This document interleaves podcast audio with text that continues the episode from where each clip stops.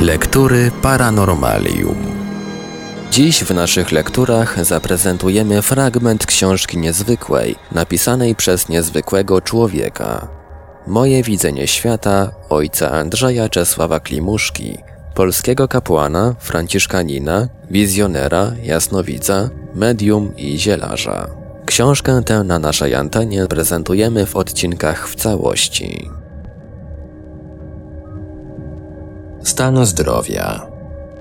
Nie trzeba chyba dowodzić, jak bardzo stan zdrowia wpływa na nasze usposobienie, reakcje i na całą osobowość. Człowiek zdrowy, gdy nie przeżywa żadnej przykrości moralnej, ma usposobienie pogodne, ma chęć do pracy. Tworzy niebosiężne plany życiowe. Wydaje mu się, że cały świat do niego należy.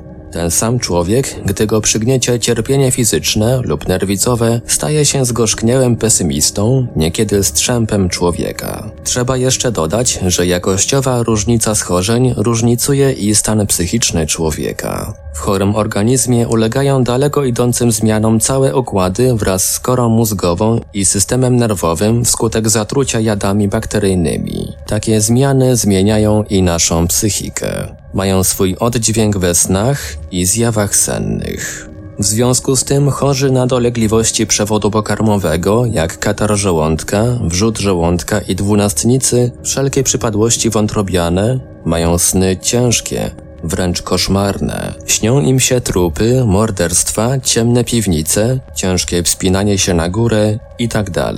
Cierpiący na niedomogi serca we snach spadają z wierzchołków drzew i gór w przepaść. Przeciwnie zaś, chorzy na gruźlicę płuc, oprócz raka, mają sny lekkie, niekiedy piękne, zdaje im się, że szybują wysoko ponad ziemią i lasami, albo bez wysiłku pływają po jeziorze, jakby byli w stanie nieważkości. Czym wytłumaczyć takie zjawisko? Schorzenia przewodu pokarmowego z rakiem włącznie zatruwają cały ustrój wraz z systemem nerwowym, co wywołuje w chorych rozdrażnienie, pesymizm, przygnębienie. Natomiast u chorych na gruźlicę płuc jad prądków narkotyzuje lekko korę mózgową. Do tej kategorii zjaw sennych można zaliczyć sny powstałe z zakłócenia czynników czysto fizjologicznych. Pochodzą one z nadmiaru lub niedosytu. Żołądek przeładowany nadmiarem pokarmów, zwłaszcza ciężkich, powoduje sny ciężkie. Osobnik przesycony ma ciężki oddech,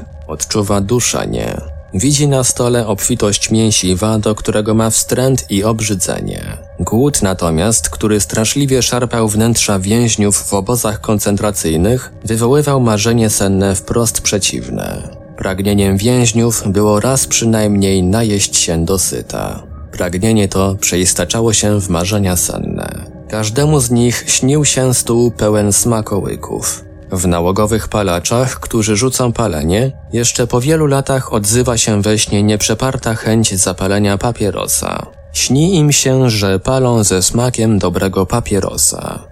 W przypadku młodzieży nadmiar sił seksualnych nie mających naturalnego rozładowania wywołuje we śnie sny erotyczne, różne miłosne gry, obrazy tak wyraziście i żywo, że powodują niekiedy zmazę nocną.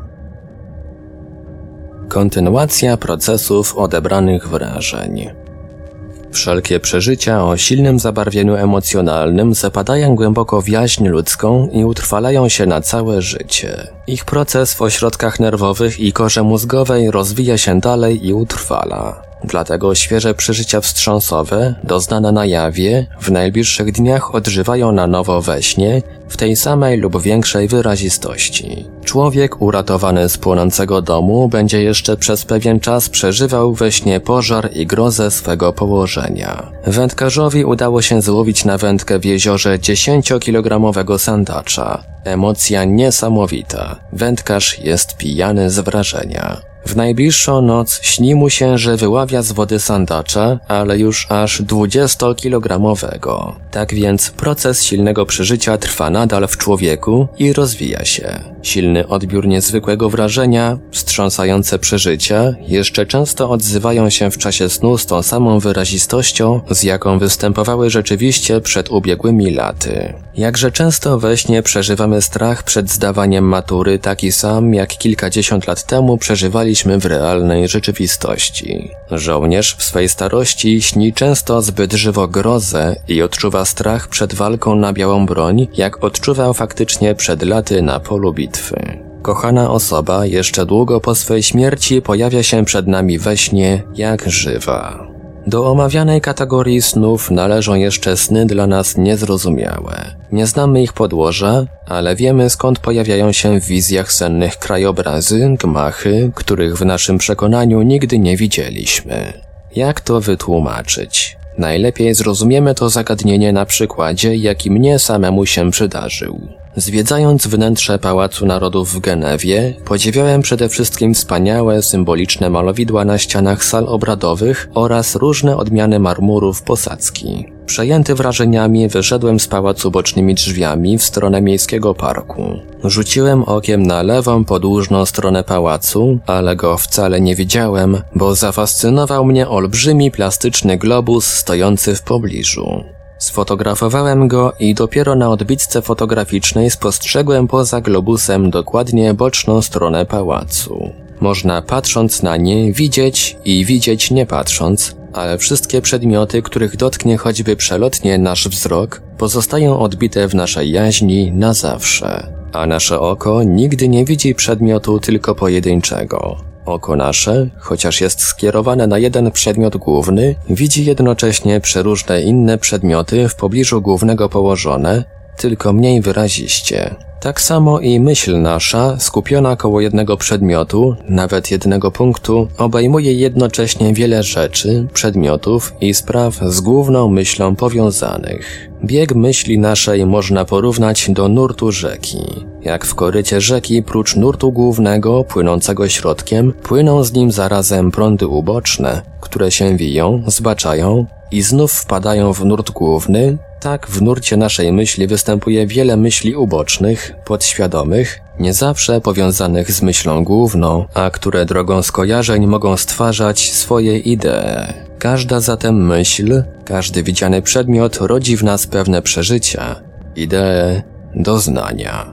W ciągu więc całego życia gromadzimy i magazynujemy w ośrodkach naszego mózgu jakby klisze, na których zostają utrwalone o różnym stopniu natężenia i wyrazistości naświetlenia liczne obrazy świata zewnętrznego, uchwycone zmysłami oraz sceny, idee, odczucia stworzone wyobraźnią. Fotografie te są uporządkowane odpowiednio i zachowane w naszych ośrodkach mózgowych na całe życie i pozostają potencjalnie niezniszczalne w naszej podświadomości, nawet te, które nie zostały przez nas świadomie zarejestrowane. Podczas snu, kiedy nasza świadomość jest zawieszona, niekontrolowana, wyłaniają się z zapomnienia również i te obrazy. Łącznie z przeżyciami świadomymi oraz nieświadomymi przenoszą się jak sceny filmu na nasze ośrodki korowe mózgu, tak że przeżywamy je na nowo w różnych wariantach.